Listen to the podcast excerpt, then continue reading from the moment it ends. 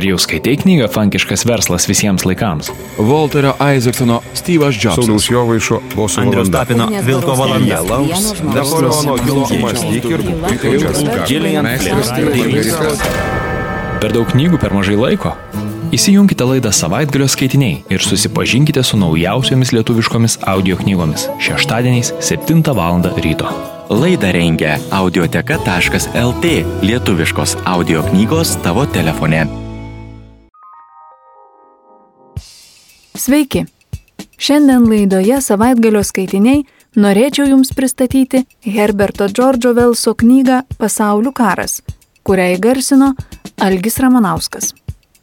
Ši knyga yra pirmasis šio laikinis romanas apie ateivių įsiveržimą. Tai vienas iš žymiausių mokslinės fantastikos kūrinių apie konfliktą tarp žmonijos ir nežemiškos rasės. Kai romanas pasirodė pirmą kartą, jis buvo vertinamas labai įvairiai. Tačiau istorija labai greitai išpopuliarėjo, tad buvo kuriami vaidybiniai filmai, radio dramos, įvairios komiksų adaptacijos, televizijos serialai. Knyga prasideda istorija apie planetas ir bendrais teiginiais apie gyvenimą prieš karą. Kai vieną dieną netoli Londono iš dangaus nukritęs metalinis cilindras sukelia vietinių gyventojų susidomėjimą. Pamėginus jį atidaryti, smalsuolius sunaikina iš cilindro išlindęs neregėtas padaras. Žmonėms nespėjus suvokti, kas vyksta, iš dangaus pradeda kristi cilindrai, o iš jų išsilaipinę ateiviai pulti žmonės.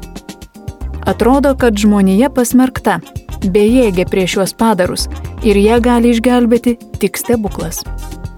Taigi pasinerkite į šią pasaulių karo istoriją, duokite peno savo vaizduotėjai, o kas jeigu? Susipažinkite su ištrauka iš Herberto Džordžo Velso audio knygos Pasaulių karas, kurią įgarsino Algis Ramanauskas. Antrasis skyrius krintanti žvaigždė. Paskui atėjo toji naktis, kai krito pirmoji žvaigždė. Ji buvo pastebėta švintant, panašiai ugninė juosta, jis skrido viršum Winchesterio, į rytus labai aukštai. Šimtai žmonių ją matė ir mane, kad tai krinta paprasta žvaigždė.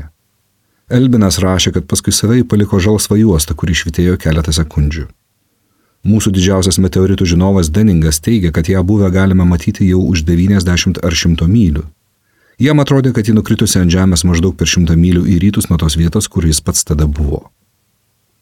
Tuo metu aš buvau namie ir rašiau savo kabinete, tačiau aš nieko nepastebėjau, nors mano langas buvo į otaršau ir užuolaida buvo pakelta. Aš mėgdavau žiūrėti į nakties dangų. Tačiau tas meteoritas pats nepaprasčiausias iš visų kada nors nukritusių iš visatos erdvės turėjo nukristi man sėdint prie savo stalo ir aš tuo metu pažvelgęs į langą būčiau jį pastebėjęs.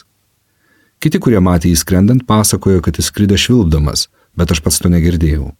Daugelis Berkišo, Serejaus ir Middlesexo gyventojų matė jį krintant ir mane, kad nukritęs naujas meteoritas. Ta naktį, rodos, niekas ne nepasirūpino pažvelgti į nukritusią masę. Vargšas Odžilvis, stebėjęs meteoritą ir įsitikinęs, kad jis nukrito kur nors dykvietėje tarp Horselio, Oteršo ir Vokingo, atsikėlė anksti rytą ir išėjo jo ieškoti. Netrukus, kai tik prašvito, jis rado jį netoli smėlio karjero. Jis pamatė didžiulę duobę išraustą nukritusio kūno ir smėlio bei žvyro krūvas suverstas tarp šilojų ir matomas už pusantros mylios. Šilojai degė ir smilko skaidriais melinais dumeliais. Nukritęs kūnas buvo įsmigęs į smėlį tarp išmėtytų sudaužytos pušies skeveldrų. Išorinė dalis atrodė kaip didžiulis apdegęs cilindras. Jo kontūrus dengė storas žvinuotas tamsių nuodegų sluoksnis. Cilindro skersmuo siekia apie 30 jardų. O Džilvis priejo prie tos masės nustebintas jos dydžio ir formos, nes paprastai meteoritai esti daugiau ar mažiau rutulio pavydalo. Tačiau cilindras buvo taip įkaitęs nuo lėkimo per atmosferą, kad nebuvo galima prie jo prisartinti. Cilindro viduje kažkas negarsiai ūžė, o Džilvis nusprendė, kad tas užėsys atsirado nevienodai vėstant cilindro paviršiui. Tuo metu jis net nepagalvojo, kad cilindras gali būti tuščia viduris. O Džilvis stovėjo prie atsiradusios duobės krašto, nustebintas nepaprasto cilindro formos ir spalvos, ir pamažu nors dar ir neaiškiai ėmė suvokti jo paskirtį. Ankstyvas rytas buvo nepaprastai ramus. Saulė, ką tik apšvietusi pušinatės veibridžių, jau ėmė keitinti. O Džilvis pasakojo negirdėjęs taryto paukščių ir tik tai iš nuodegumo aplipusio cilindro vidaus sklydė kažkokie garsai. Dykvietėje nebuvo negyvos dvasios. Staigais nustebęs pamatė, kad nuo cilindro viršaus ėmė lūptis nuodegų sluoksnis. Jos krito į smėlį, tarytum sniego dripsniai ar lietaus lašai. Garsiai atlūžo ir nukrito išgazdindamas Odžilvi gana stambus gabalas. Dar nieko neįtardamas, Odžilvis įlipo į duobę ir nepaisydamas didelio karščio priejo prie pat cilindro norėdamas jį geriau apžiūrėti. Jis dar mane, kad tai yra kūno vėsimo pasiekmes, bet čia jo nuomonė griovė tas faktas, kad nuodegos krito tik nuo cilindro krašto. Ir staiga Džilvis pastebėjo, kad apvali cilindro viršūnė sukasi, sukimasis buvo toks lėtas, jog Džilvis jį pastebėjo tik tai todėl, kad juodas taškelis, buvęs prieš penketą minučių ties juo, dabar atsidūrė kitoje apskritimo pusėje. Vis dėlto jis ne visai suprato, kad tai reiškia, kol išgirdo kažką dusliai krepždant ir pamatė, kad juodas taškelis pasistumėjo prieki beveik per colį. Tik tada pagaliau jis suprato, ką tai reiškia. Cilindras buvo dirbtinis, tuščia viduris su nusukamu gaubtu. Cilindro viduje kažkas suko gaubtą. O Dieve, sušuko Džilvis, ten viduje yra žmogus. Žmonės beveik mirtinai iškepti, jie mėgina išlysti. Žaibiškai minčių asociacija šį reiškinį sugretino su sprogimu Marse. Mintis apie uždarytas cilindrė būtybės jam atrodė tokia baisi, kad jis užmiršo karštį ir priejo prie cilindro dar arčiau, pasišovęs padėti atsukti sraigtą. Bet jo laimė išnypšintis karštis laiku jį sustabdė ir įkaitintas metalas jo neapsvilino. Jis valandėlę pastovėjo nesiryždamas, paskui išlipo iš dobės ir tekinas pasileido į walkingą. Buvo apie šeštą valandą. Jis susitiko vežiką ir bandė jam paaiškinti, kas vyko, bet jo žodžiai ir veidas atrodė tokie keisti, dobėje jis pametė skrybelę, jog šis nieko nepasakęs nuvažiavo tolyn. Taip pat nesėkmingai jis kreipėsi į smuklininką, kuris prie Horvelio tilto buvo ką tik atidaręs smuklės duris. Šis pagalvojo, kad tai koks ištrūkęs iš ligoninės beprotis ir pabandė įsitemti jį į barą. Tai šiek tiek prablaivino Džilvi. Ir jis, pamatęs londoniškį žurnalistą Hendersoną besikasinėjantį savo sodelėje, kreipėsi į jį per tvorą, stengdamasis kalbėti kiek galima aiškiau. Hendersonai, pradėjo jis, ar jūs matėte praeitą naktį nukritusią žvaigždę? Na, ji nukrito Horselio dykvietėje. Dėl Dievo, sušuko Hendersonas, nukritęs meteoritas, įdomus dalykas. Bet tai nėra paprastas meteoritas, tai cilindras, dirbtinis cilindras, ir jo viduje kažkas yra. Hendersonas išsitėsi rankoje laikydamas kastuvą. Ką jūs pasakėte? dar paklausė Hendersonas. Jis buvo kurčias viena ausimi. O Džilvis papasakojo viską, ką matė. Hendersonas valandėlę svarstė, paskui metė šalin kastuvą, čiupo švarką ir išbėgo į kelią. Abu nuskubėjo prie meteorito. Cilindras tebegulėjo toje pačioje vietoje. Garsų iš vidaus jau nebebuvo girdėti, o tarp antvožo ir cilindro žvilgėjo plonas metalinis sriektas. Oras, smarkiai švilpdamas, veržėsi arba į lauką, arba ėjo į vidų. Jie klausėsi, pabarškino lasda per nuodegas ir nesulaukė jokio atsakymo, nusprendė, kad žmogus ar žmonės uždaryti viduje yra netekę sąmonės arba mirę. Žinoma, dviese jie nieko negalėjo padaryti. Jie šūktelėjo keletą padrasinančių žodžių ir nuskubėjo į miestą pagalbos, pažadėję grįžti. Susijaudinę ir susitaršę aplipę smėlių, jie bėgo siaura gatve tą ankstyvą valandą, kai krautuvininkai nuo vitrinų nuima langines, o žmonės atidaro savo miegamųjų langus. Hendersonas pirmiausia nuėjo į geležinkelio stotį, pasiryžęs telegrafu pranešti naujieną į Londoną. Laikraščių skaitytojai jau buvo paruošti išgirsti apie šitą sensacingą įvykį. Apie 8 val. dykvietės link jau skubėjo žioplių ir vaikėzų būrys pasižiūrėti marsiečių lavonų. Tokia buvo pirmoji šio įvykio versija. Aš apie tai pirmiausia išgirdau iš laikraščių pardavėjo apie ketvirtį devintos, nuėjęs nusipirkti Daily Chronicle numerio. Žinoma, aš be galo nustebau ir tučtojau per Otaršų tiltą nuėjau prie smėlio dobės. Trečiasis skyrius - Horselio dykvietėje. Prie didžiulės įdubos, kurioje gulėjo cilindras, aš radau apie 20 žmonių. Jau rašiau, kaip atrodė tas didelis sviedinys įsmigęs į žemę. Velėna ir žvyras aplinkui jį buvo apsvilę tarytum po stipraus sprogimo. Matyt, nuo smūgio pasirodė liepsna. Hendersono ir Rodžilvio ten nebuvo. Jie turbūt nusprendė, kad tuo tarpu negalima nieko padaryti ir todėl nuėjo pas Hendersoną papusryčiauti. Ant duobės krašto, tabaluodami kojomis, sėdėjo ketvirtas ar penketas berniukų. Jie žaidė, kol aš juos sudraudžiau, mėtydami į cilindrą akmenukus. Paskui išklausę manęs jie ėmė žaisti, vaikydami vienas kitą ir sukinėdamėsi tarp saugusiųjų. Tarp susirinkusiųjų buvo du dviratininkai, padienis sodininkas, kurį aš kartais pasisamdydavau, mergaitė su kūdikiu ant rankų, mėsininkas Gregas su sunom keletas padaužų ir berniukų, kurie patarnaudavo golfo žaidėjams ir paprastai sukinėjosi palei geležinkelio stotį. Žmonės kalbėjo mažai. Tada Anglijoje retas, kuris iš paprastų žmonių nors kiek nusimanė apie astronomiją. Dauguma žiūrovų ramiai spoksojo į plokščią cilindro gaubtą, kuris tebe buvo vis toje pačioje padėtyje, kaip jį paliko Odžilvis ir Hendersonas. Aš manau, kad jie visi nusivylę vietoje su anglėjusiu lavonu radę nejudančio cilindro masę. Vieni grįžo namo, į jų vietą ėjo kiti. Aš lipau į duobę ir man pasirodė, kad po kojomis iš lengvo virpa žemė. Gauptas jau nebesisuko.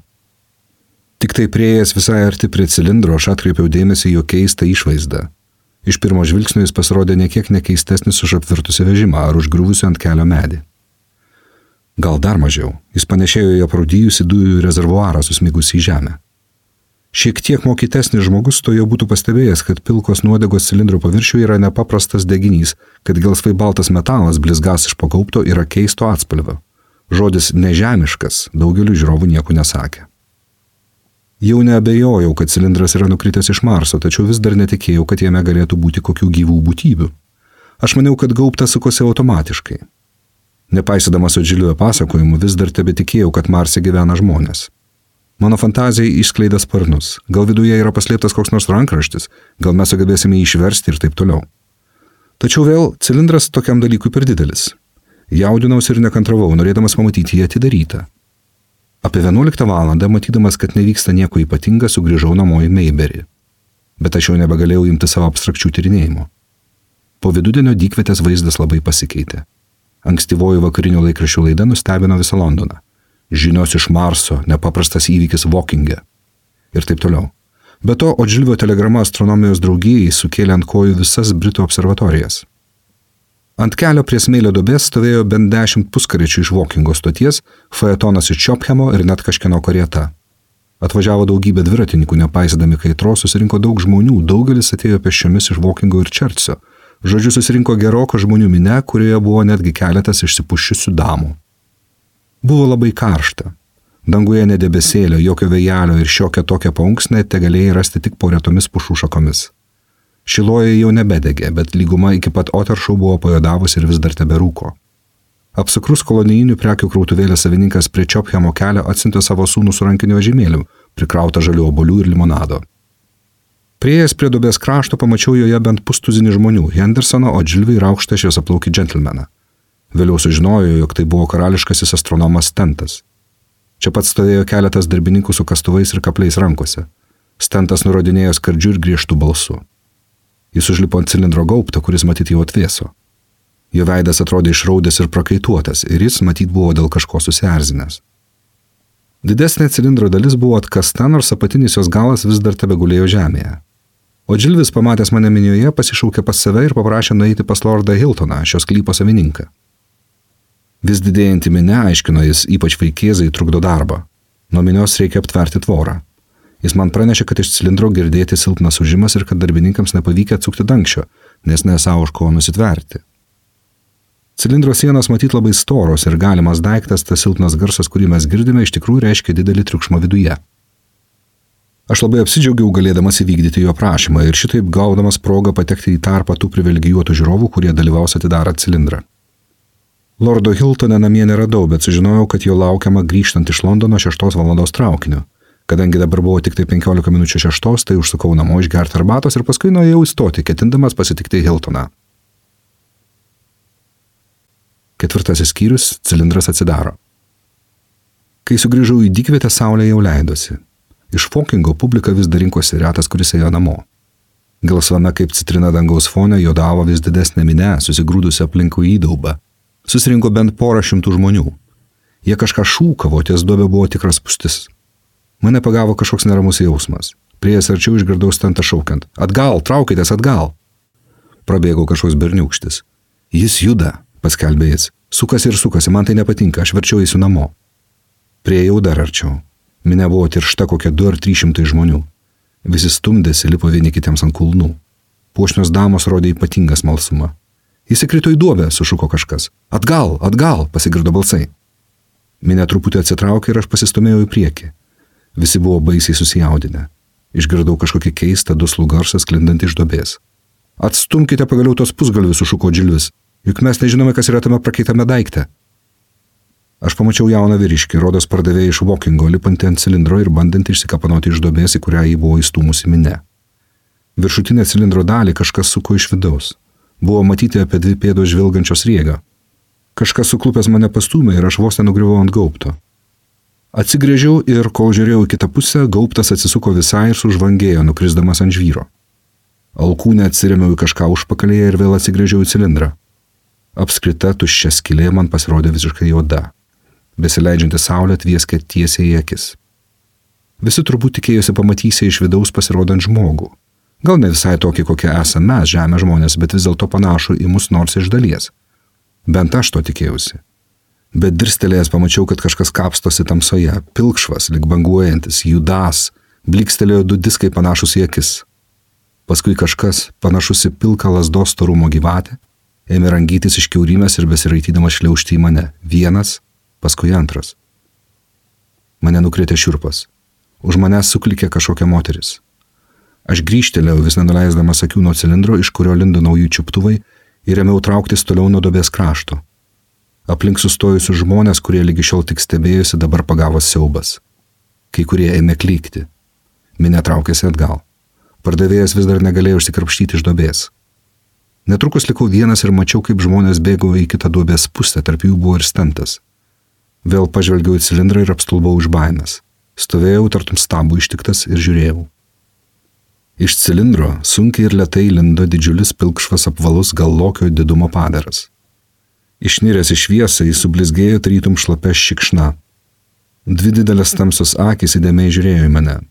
Pabaisas galva buvo apskrita ir jeigu galima taip išsireikšti, turėjo veidą.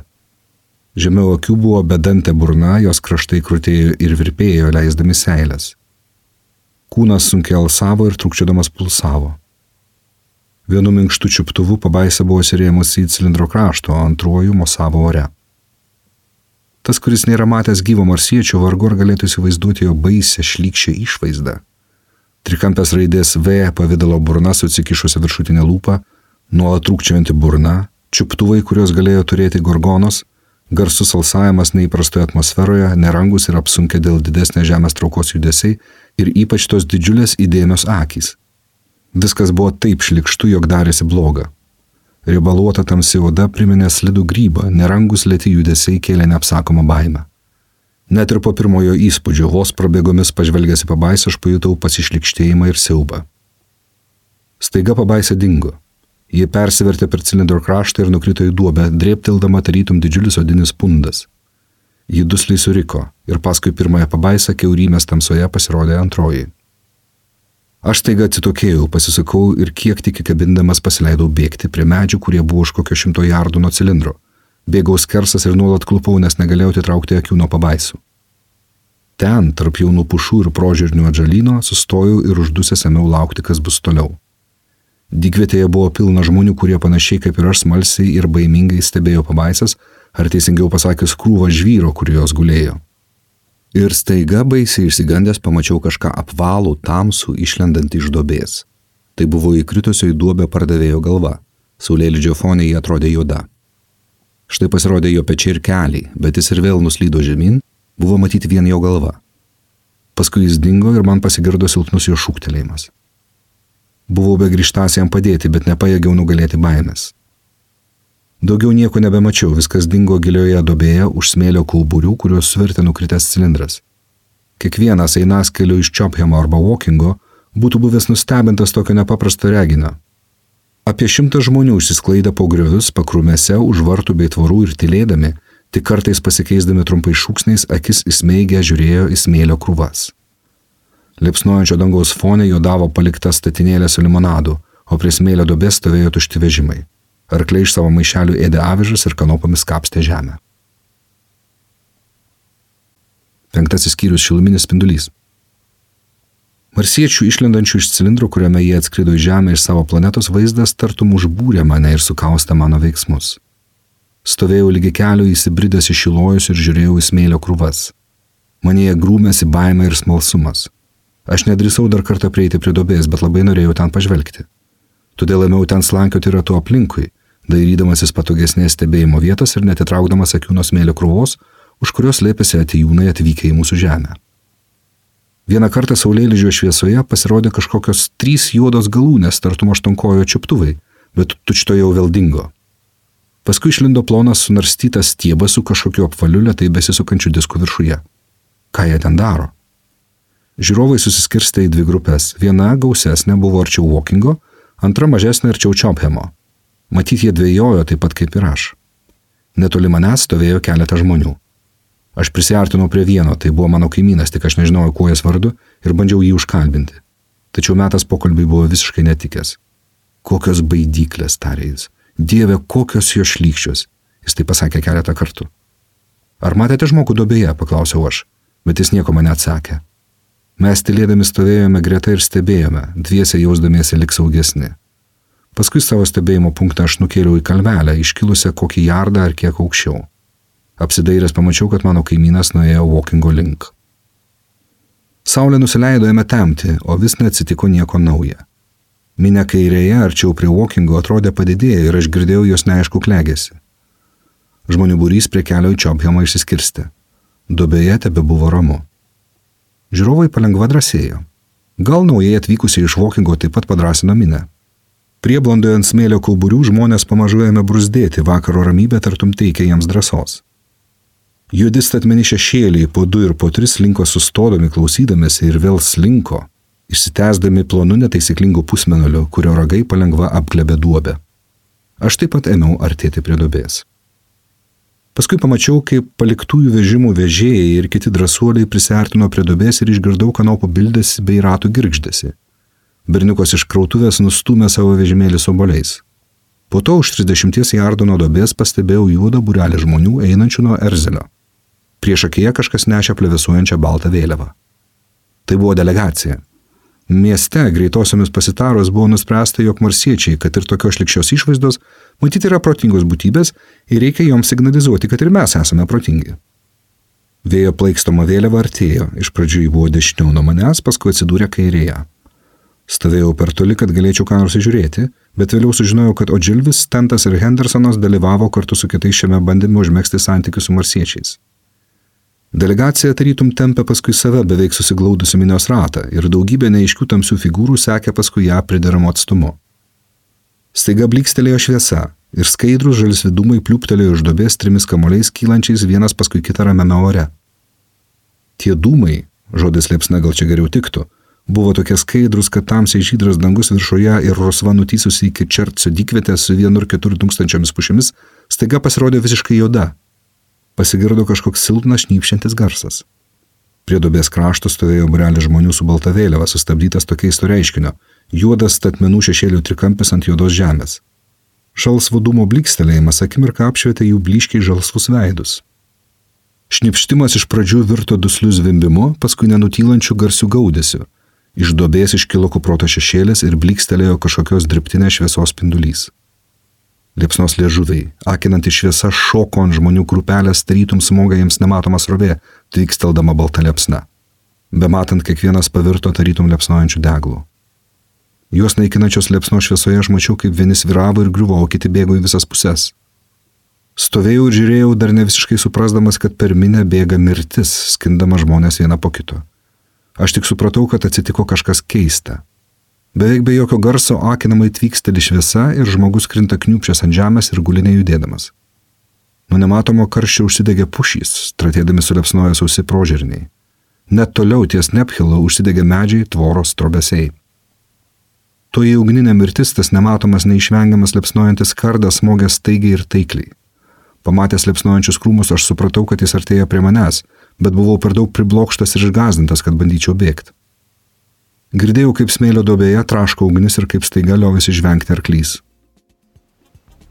Girdėjote ištrauką iš Herberto Džordžo Velso audio knygos Pasaulių karas, kurią įgarsino Algis Ramanauskas.